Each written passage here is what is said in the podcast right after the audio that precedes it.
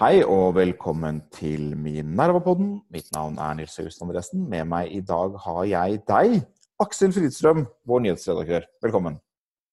Jo, takk for det. Eh, du, du har eh, skrevet en artikkel denne uken som handler om slanger. Stemmer ikke det? Ja, eh, nærmere bestemt det som vel er slanger i Arbeiderpartiet. Ok, Så det er, det er ikke botanikk, eller det er ikke, det er ikke, biologi og zoologi vi skal inn på her? Det er rett og slett uh, Nei, det er metafor, metaforiske slanger. Og den vel litt sånn pågående, uh, kanskje man nesten kan si, lederkampen i uh, Arbeiderpartiet. Og Hva er det som har skjedd for noe? Nei, Foranledningen for det er jo i og for seg at det var jo TV 2 som kunne melde om at en Eh, en støtteerklæring eller en, et forsøk på å fremsnakke Jonas Gahr Støre som ble gjort av LO-leder Yngve Haagensen. Hadde jo en kronikk i, i, VG hvor han skrev at uh, Tidligere LO-leder, får vi kanskje Tidligere LO-leder, selvfølgelig. Uh, hvor han skrev at uh, liksom, det var visst faen at det var Jonas Gahr Støre som var liksom den riktige lederen for Arbeiderpartiet, og, og landet, for den saks skyld. Folkets mann. Mm. Og det er jo ikke spesielt oppsiktsvekkende, egentlig, at eh, nåværende eller tidligere LO-ledere mener at Arbeiderpartiet er det beste partiet til å, til å, styre landet. Altså, det er jo alle som har et visst kjennskap til både Arbeiderpartiet og LO, vet jo at dette egentlig er et slags tohodet troll, som jo koordinerer eh, veldig mye sammen. Spesielt i, i, i, valgkampår. Og det er på ingen måte uvanlig å si at de omfavner hverandre, men det som har kommet frem nå, som er jo eh, både interessant og ikke interessant på en gang, det er jo at eh, det har vært et oppslag i TV 2 i etterkant hvor det kommer frem at det er noen rådgivere i Arbeiderpartiet som har skrevet denne omfavnelsen av, eh, av Støre. Eller de har vært skyggeforfattere da, for denne kronikken til Ingeborg Haagensen, som han da mer eller mindre bare har signert på. og sagt at han står, står bak budskapet. Mm. Eh, så har, de, det... så, har disse rådgiverne også da delt i sosiale medier og sagt 'kjempegod tekst av uh, Yngve'. Og... Av Yngve, ja, ja. Så det er litt morsomt. Og... Men, men, hvem er det som er slangen her? Det er, ikke, er, det disse rådgiverne som er slangene, eller er det noen andre som er slangene? Nei, altså Jeg mener jo at dette er, er, helt normalt. Altså Hvis det skulle vært slik at det skulle vært oppslag i avisene hver gang eh, Arbeiderpartiet og LO liksom hadde en felles kommunikasjonsplan, eller hver gang en rådgiver skriver en, en kronikk for en eh, en eller annen leder av Arbeiderpartiet eller LO, så ville jo den politiske journalistikken den ville jo ikke hatt båndbredde til å dekke noe annet enn, enn akkurat dette her. Eh, men det som jo gjør det interessant, og grunnen til at det liksom blir en nyhet, er at det er jo noen som da eh, lekker dette, eller gir denne informasjonen til TV 2 om at det her liksom er en, en annen person som har skrevet kronikken, med da det antagelig den intensjonen at eh, å få eh, å, å undergrave egentlig denne omfavnelsen av av Støre. Mm. Og det er jo ikke så veldig mange, egentlig, hvis man tenker det, som er i, som er i, som er, er i posisjon til, til, å kunne gjøre det. Altså, hvem er det som egentlig vet hvem det er som er skyggeforfatter eh, for en kronikk for, eh, som eh, Haagensen har skrevet? Så det må være en, en veldig, veldig begrenset eh, utvalg mengder, som alle sammen eh, er på innsiden av Arbeiderpartiet og LO. Og det er jo disse som jeg da liksom omtaler at det er er slangene. For her er det åpenbart noen som, eh, til tross for at liksom LO har kommet med et sånt helhjertet forsvar for hvorfor Arbeiderpartiet skal styre landet, da, eh, ser på dette som en anledning heller til å liksom undergrave Jonas Gahr Støre sin autoritet. Egentlig på bekostning av det, liksom den valgkampstrategien som disse har, har funnet sammen om. da. Ja. Hvis, hvis eh, det er jo det nye. Det er det som gjør at det er en nyhet. Ikke ja. det at noen har skrevet en, en, en, en kronikk for en annen. Ikke sant? Hvis vi da forutsetter at lekkasjen faktisk kommer fra Arbeiderpartiet, det er jo sannsynlig, uten at vi eh, liksom, 100% kan dokumentere det, men det er jo vanskelig å tenke seg hvor det ellers skulle komme fra. Eh, nei, Det er ganske interessant. Eh, det er jo ikke første gangen man ser dette i Arbeiderpartiet. Det er flere interessante elementer ved det. Noen av de samme elementene gikk igjen i 2000, uh, da du hadde en lignende 2000-2001, da du hadde en lignende type strid mellom Torbjørn Jagland og eh, Jens Stoltenberg. Eh, kanskje, litt, kanskje litt før det, altså 99-2000, hvor det var også en kamp da om lederstillingen. Torbjørn Jagland var partileder, og så endte det opp med at uh, Jens Stoltenberg ble eh, statsminister og statsministerkandidat. Eh, og da var det også masse i mediene hele tiden anonyme kilder som eh, på sett og vis undergrov eh, Jagland. Eh, dette er beskrevet delvis i, i både Stoltenbergs og Jaglands erindringer. Men det er jo interessant hva er det egentlig hva er det som egentlig skjer når, når den type anonyme kilder går til mediene? Altså, det er jo da snakk om eh, sentrale kilder sant, som, som eh, er villige til å undergrave partiets strategi. Det kan jo selvfølgelig skyldes personlige ambisjoner, eh, men det skyldes jo også normalt at lederen som det lekkes mot, eh, mangler autoritet og forankring på en eller annen måte i partiet. Det er det som er veldig tydelig med Støre sammenlignet med, med Stoltenberg. De står ikke så veldig langt fra hverandre politisk. Det er klart det er en ny kontekst, og det er lett å plassere Støre i en sånn direktørvennet igjen, sånn han opprinnelig kom inn i offentligheten. Omtalte mediene som det. Eh, det passer ikke helt inn i liksom, populistiske vendingen i politikken de siste fem årene. Eh, men et stort problem for Støre i tillegg eh, til dette er at han på en måte ikke har den forankringen i partiet, det kjennskapet til partiet, den eh, fingerspitzgefühlen man trenger, eh, fingeren på pulsen i akkurat hvordan partiet fungerer, eh, som Jens hadde, som har vokst opp i partiet, flere generasjoner i partiet, sin barnsben AUF-leder. Støre mangler alt dette, og mangler autoriteten egentlig til å sette foten ned, til å styre troppene, og mangler lojaliteten som man trenger for å unngå denne type denne type kamper som kommer når meningsmålingene butter. Tenker jeg. Hva tenker ja. du? Nei, jeg tenker det på sett og vis er, er sant. Altså, han mangler jo også det er jo klart, altså, Hvis han hadde hatt noe suksess å vise til, altså hvis det var sånn at Arbeiderpartiet liksom nå var et parti på mellom 30 og 40% på meningsmålingene, så ville jo eh, folk vært villige til å leve med hva som helst. Men alle ankepunktene mot han selvfølgelig blir mye sterkere når, når partiet gjør det dårlig, da. Eh, og man ser jo også det hvordan det liksom noen nå liksom i mediene som bygger opp mot at det skal være et sånn lederskifte. ikke sant? Altså Man spør jo i meningsmålinger ok, vil du stemme på Arbeiderpartiet hvis det var en annen leder og den type ting. Og liksom lager et momentum da, for å, liksom, for, for å få han ut. da. Ja, da. Og sånn sett så sliter han jo veldig.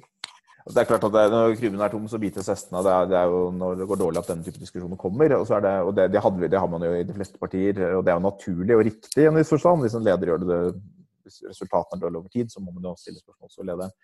Eh, da Høyre gjorde det veldig dårlig i 2008-2009, så var det jo en tilsvarende problematisk situasjon der med Per Christian Foss, som seilte frem som, som statsministerkandidat. Og det var lekkasjer og anonyme kilder i mediene den gangen også. Så dette er ikke så nytt. Men det er jo, det er jo forskjeller. ikke sant? No, noen ganger i noen partier så kan man tåle perioder med, med svak oppslutning uten at du får denne type diskusjoner. Noe av det var jo det som skjedde med Jens Stoltenberg etter det dårlige valgresultatet i 2001 så satt han allikevel, eh, var hans posisjon ganske trygg, fordi han var, hadde en god forankring i partiet. Og det, og det var jo for så vidt det som etter hvert også ble, skjedde med Erna. altså Etter denne krisen med, med Christian Foss, så, så, ble Ernas stilling styrket. Og så, så begynte det for oss å gå, å gå fremover. Men, eh, men, men ja, eh, jeg lurte på å stille deg et spørsmål. Det er liksom hva, hva du selv synes om denne liksom bruken av av anonyme kilder. Ja, det er jo interessant, Aksel. Vi, vi, har jo en artikkel uh, denne uken uh, om anonyme kilder skrevet av avtroppende pressesjef i Venstre, Karl Arthur Giverholt. Uh, som er veldig interessant. Det er en person da som på en måte har sittet på, på, den andre siden enn oss i mediene. Og, og, vært en sånn kilde som mediene snakker med, altså av og til på bakgrunn, av og til med anonyme sitater. Og selvfølgelig ofte også on record. Som pressesjef er man jo ofte on record også. Eh, naturlig nok. Eh, og han skriver på en måte om hvordan mennesker med makt eh, ofte er, altså hvordan anonyme kilder ofte er mennesker med, med ganske mye makt. Og sånn så er det en implisitt kritikk kanskje av hvordan, hvordan disse kildene brukes. At det er en del av en maktkamp som, som blir litt uryddig og uoversiktlig når den skjer anonymt. Og Det er det man ser litt med, med, med Støre. Nå vet du hvem som har lekket. ikke sant? Vi vet at Torbjørn Berntsen har vært ute og fremmet kandidaturet til Raymond Johansen, som også er hans nevø. Eh, nå tror jeg ikke det er han som har lekket denne saken her, men, men, men det er sånn man ser jo at det er, eh, det er krefter som har sine egne agendaer. som det er én ting hvis de, hvis de, kjemper den kampen i åpent lende. Da kan man på si skal vi ha Jonas Gahr Støre, skal vi ha Trond Giske? Eh, nå er ikke det aktuelt lenger, men, men han har jo vært Trond Giske har vært en person som har uh, figurert ofte i mediene. både sikkert som anonym kilde og som andre typer kilder. Eh, Raymond Johansen, eh, andre, eller bare generell misnøye med Støre. Så vi, når dette er mektige personer som er kjent, og som har sentrale verv, så er det jo en kamp som man ønsker at skal skje i offentligheten. Og, og dette har vært en diskusjon i pressen nå eh, i, i fjor og i år, fordi etter Bar Vulkan-saken så satte eh, pressen ned et utvalg som skulle se på bruken av kilder. Eh, herunder anonyme kilder. Og, og dette utvalget kom med forslag om at man skulle endre Vær varsom-plakaten eh, med å si at eh, anonyme kilder ikke skulle brukes til å komme med eh, udokumentere påstander eller personkarakteristikker. Eh, nå er denne saken ikke og dette er jeg, jeg, si, jeg, var veldig imot den endringen, fordi jeg mener at man av og til trenger anonyme kilder som kan komme med personkarakteristikker og, og for så vidt også noen ganger udokumentere påstander, avhengig av hvordan man definerer det. Fordi eh, det fins viktig journalistikk om politikk som ikke kunne lages ellers. Eh, men jeg, jeg syns at denne, denne, saken her er et eksempel både på hvorfor det er problematisk med anonyme kilder, men også hvorfor denne foreslåtte endringen av varsom-plakaten ikke ville fungert. Fordi denne saken dreier seg om et dokumenterbart forhold, nemlig hvem skrev denne kronikken. Og da har jo TV 2 gjort jobben sin ordentlig. Så de har jo ikke basert saken på de anonyme kildene. De har jo ringt til Yngve Haagensen og til Støres rådgivere, som, har, som da har valgt ikke å lyve, men sagt at dette er sant. ikke sant? Så, så saken er bygget på, på, åpne kilder. De faktiske forholdene er dokumentert med åpne kilder. Eh, men det er, er, likevel en sak på, det er likevel en sak hvor det problematiske poenget er at noen anonyme kilder med en egen agenda har lekket denne saken til TV 2. Og deres navn fremkommer jo ikke i TV 2s sak. Så, vi, så leseren, får, leseren, får, vite om den, den, saken som du omtalte litt som en bagatell, nemlig noen i Arbeiderpartiet og LO har snakket sammen. For så vidt interessant nok for folk som ikke kjenner det politiske spillet, men, men den saken får leserne vite om. Men de får ikke vite om den saken som kanskje er aller mest interessant, nemlig hvem er disse menneskene som har, har valgt å lekke denne saken, hvis vi får at, at det er sånn det har skjedd, eh, om Jonas Gahr Støre. Det er jo en maktkamp som er interessant, og hvor den ene parten får lov til å være anonym. Så, så jeg er veldig opptatt av, eh, for min nærmeste del altså Vi skriver jo saker om partiene, Aksel, du, du og jeg, hvor vi har anonyme kilder som, som, beskriver det indre livet i partiene. Jeg tror det er veldig viktig for å forstå prosesser i politikk. Eh, men det, det påhviler jo da mediene et stort ansvar eh, på å forstå når man blir brukt i en maktkamp. Eh, så, så, og, og, hvis man føler at man gjør det, man, eller hvis man mistenker at man gjør det, så er man nødt til, nødt til å ta det innover seg. Hvordan man presenterer stoff og hvordan man bruker disse kildene. Det finnes vel kanskje en potensielt sett en annen problematisering som jeg har tenkt på, eh, som jeg heller ikke har noen løsning på, men en relevant problematisering. og det er at det, Når disse anonyme kildene liksom eh, blir så viktige, så blir jo det også over tid så bygger man jo da eh, ofte veldig eh, sterke relasjoner egentlig mellom de anonyme kildene på innsiden av partiet og de som eventuelt journalistene som får tak i denne, denne informasjonen. Eh, over tid så er jo det et, et, eh, kan det også bli så sterke tillitsforhold at man kanskje også vegrer seg for å skrive eh, andre saker for å, for, å, skade denne relasjonen. Mm. Eh, så denne bruken av anonyme kilder, som jo som først og fremst egentlig er relevant når det ofte fremgår eh, skal ha personkarakteristikker eller maktkamper i partiene og sånn. Eh, og det å vedlikeholde de relasjonene som gjør at du får den informasjonen, kan jo også gå på bekostning eventuelt av muligheten for å skrive annen kritisk journalistikk. Da. Ikke sant? Altså, norsk for eksempel, politisk journalistikk er jo veldig veldig, veldig, veldig fokusert på maktkamper i partiene. Men det er ganske lite, f.eks. hvis du ser på eh, konkret problematisering av, av, av ulike forslag for eksempel, som går gjennom i, i Stortinget ofte. Syns jeg, da, hvis du sammenligner meg med andre land. Ja, altså jeg er nok helt enig i at det er eh, politisk journalistikk preges nok ofte at det er eh, det er, det er altfor mye om spillet og for litt om politikken. Det er en vanlig kritikk som har veldig mye for seg. og Mye, mye av årsaken er nok at det i en viss forstand er lettere å lage journalistikk i en viss forstand. Og, og, og, det føles kanskje mer spennende også å lage journalistikk basert på kilder, graving, enn, på liksom, enn å lage journalistikk basert på samfunnsvitenskapelige analyser og, som man kanskje må ty til hvis man skal forstå konsekvensen av politikken. Så det er jeg helt enig i. Men eh, jeg, tror, jeg vet ikke om det er et helt særnorsk fenomen. Altså, det, et av de beste eksemplene på, bruk anonyme, på massiv bruk av anonyme kilder er jo den amerikanske dekningen av, av Trump-administrasjonen, hvor, altså hvor aviser som New York Times og Washington Post har hatt massivt med anonyme kilder i Trump-administrasjonen, som har kunnet ytre sin misnøye uh, med det de der har opplevd. Uh, til, et, til, en eh, presse som har vært veldig mottagelig for det budskapet. Uh, og det er jo et, så, altså det er mange problemer med anonyme kilder.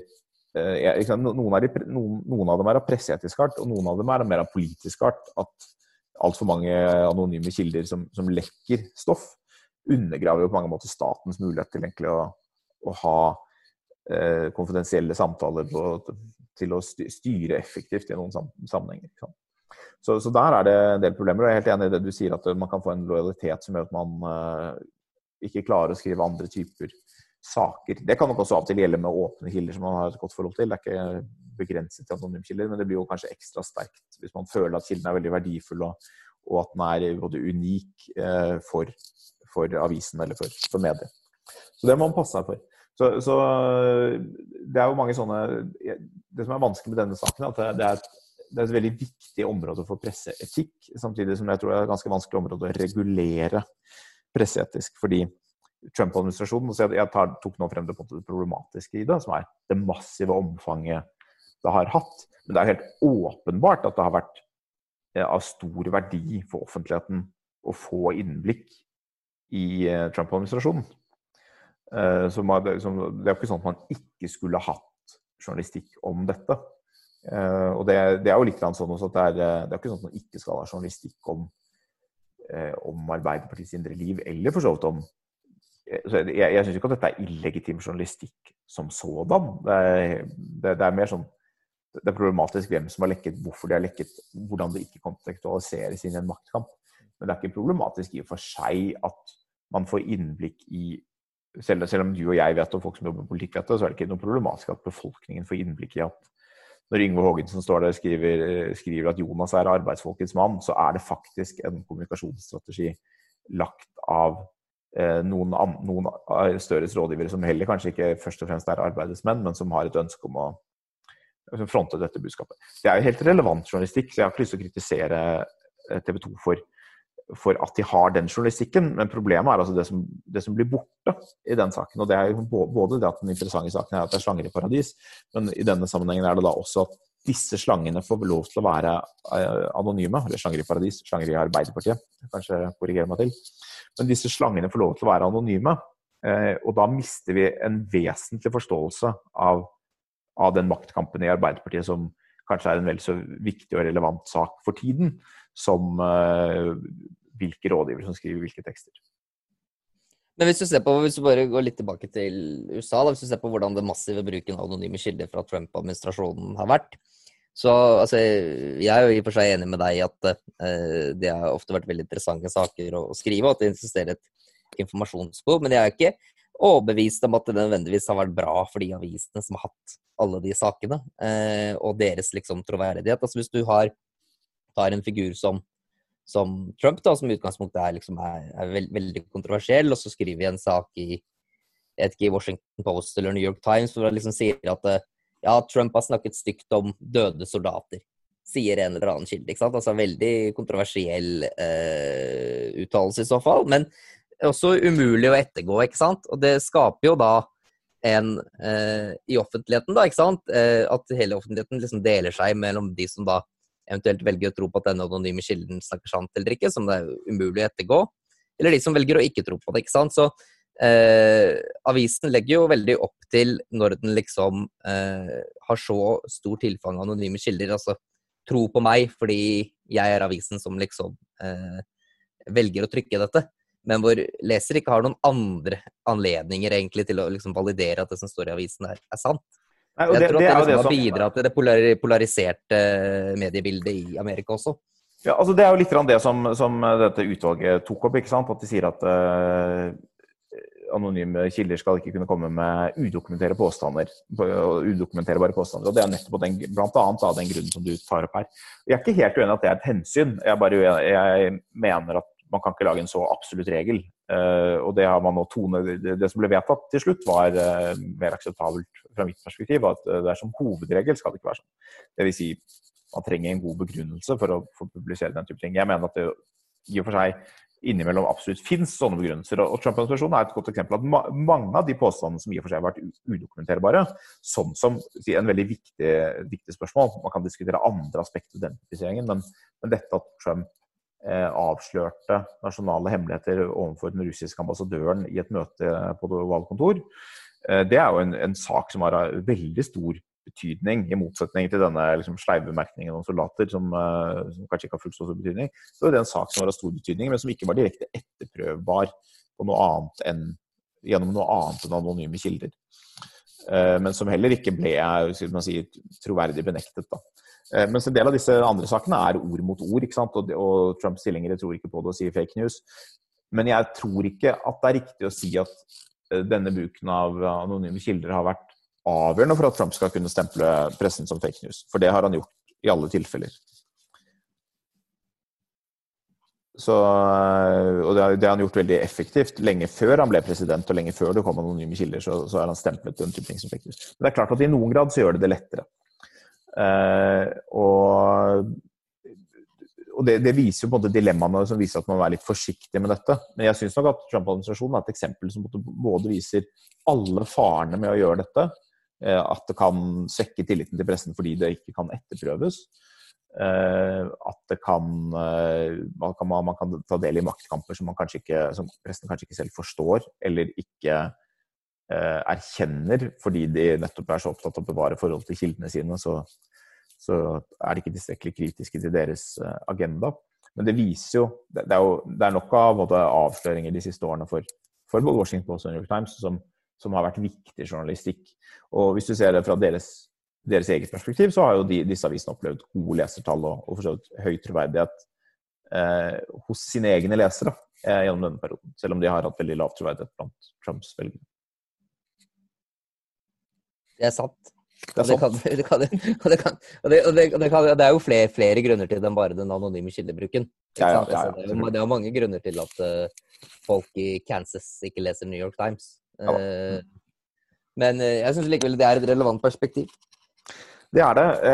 Og det er, min tanke med det er bare at det er, det er til syvende og sist noe redaktørene må stå ansvarlig for. Og det er også litt sånn det, sånn, det at det nettopp kan ha konsekvenser for troverdigheten din hvis du publiserer anonyme kilder som kommer med udokumenterte påstander.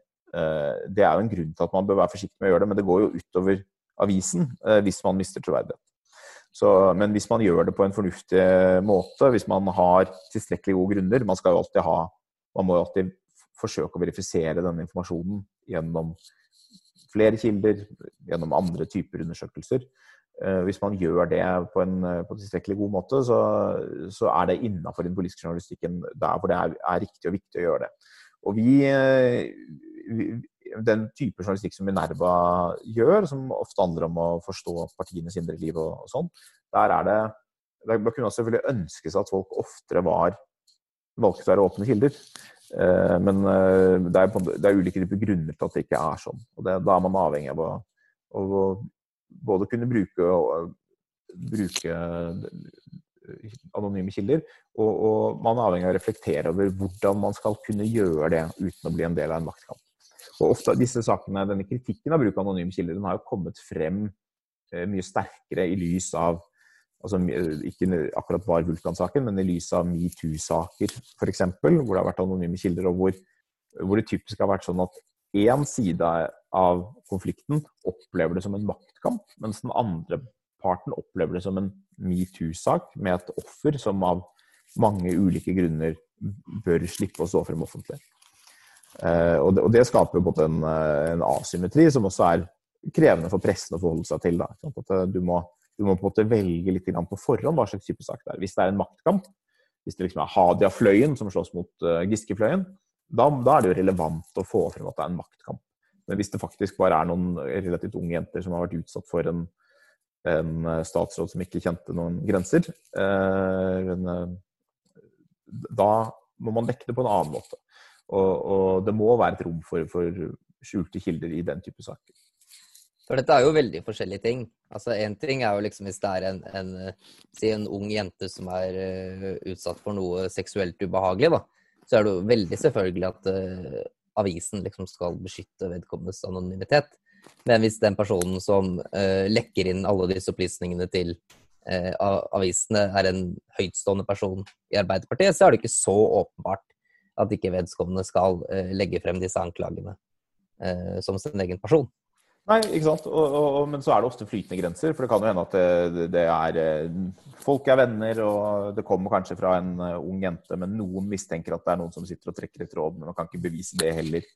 Og så er det lekkasje på begge sider. Så kommer, dette er på en måte problemer som, som, alltid vil være der, og som ikke kommer oss uh, unna. Uh, og som måtte spisser seg til nettopp når det er maktkamper. Sånn som det er i Arbeiderpartiet nå. Igjen så er det en maktkamp i Arbeiderpartiet. Og da, da er Arbeiderpartiet et parti som nok også lekker enda mye mer enn andre partier, og i en viss forstand har en enda giftigere maktkultur, kanskje, enn det som i hvert fall andre partier har, har nå. Det har litt å gjøre med at de har hatt mange vanskelige år, mange vanskelige saker, som har gjort at det er blitt giftig også. Men, men det har vært sånn i Arbeiderpartiet lenge. At det er, en, det er en kultur som både er veldig sentrert rundt eh, makt, og da blir det også eh, veldig vondt når makten glipper, kan du si. da. Det er det som man kanskje frykter nå enda en gang at den skal, skal gjøre, selv om det er eh, annet, en eller annen form for flertall for eh, noe annet enn sitter akkurat nå. Men Aksel, jeg tror vi skal gå inn eh, for landing. Jeg lurte på om jeg skulle minne våre lesere på, for det er lenge siden jeg har gjort at det går an å støtte denne podkasten. Den får vi jo ikke noe penger for ellers. Så hvis vi skal fortsette, så er vi glad om noen vippser noe penger til oss. Det hadde vært veldig hyggelig. Men eh, hvis dere ikke gjør det, så er det noe enda lurere dere kan gjøre. Det er å like å dele, ikke minst dele podkasten i sosiale medier. Sånn at flere kan lytte til det vi har å si. Da tror jeg vi skal si god helg. God helg.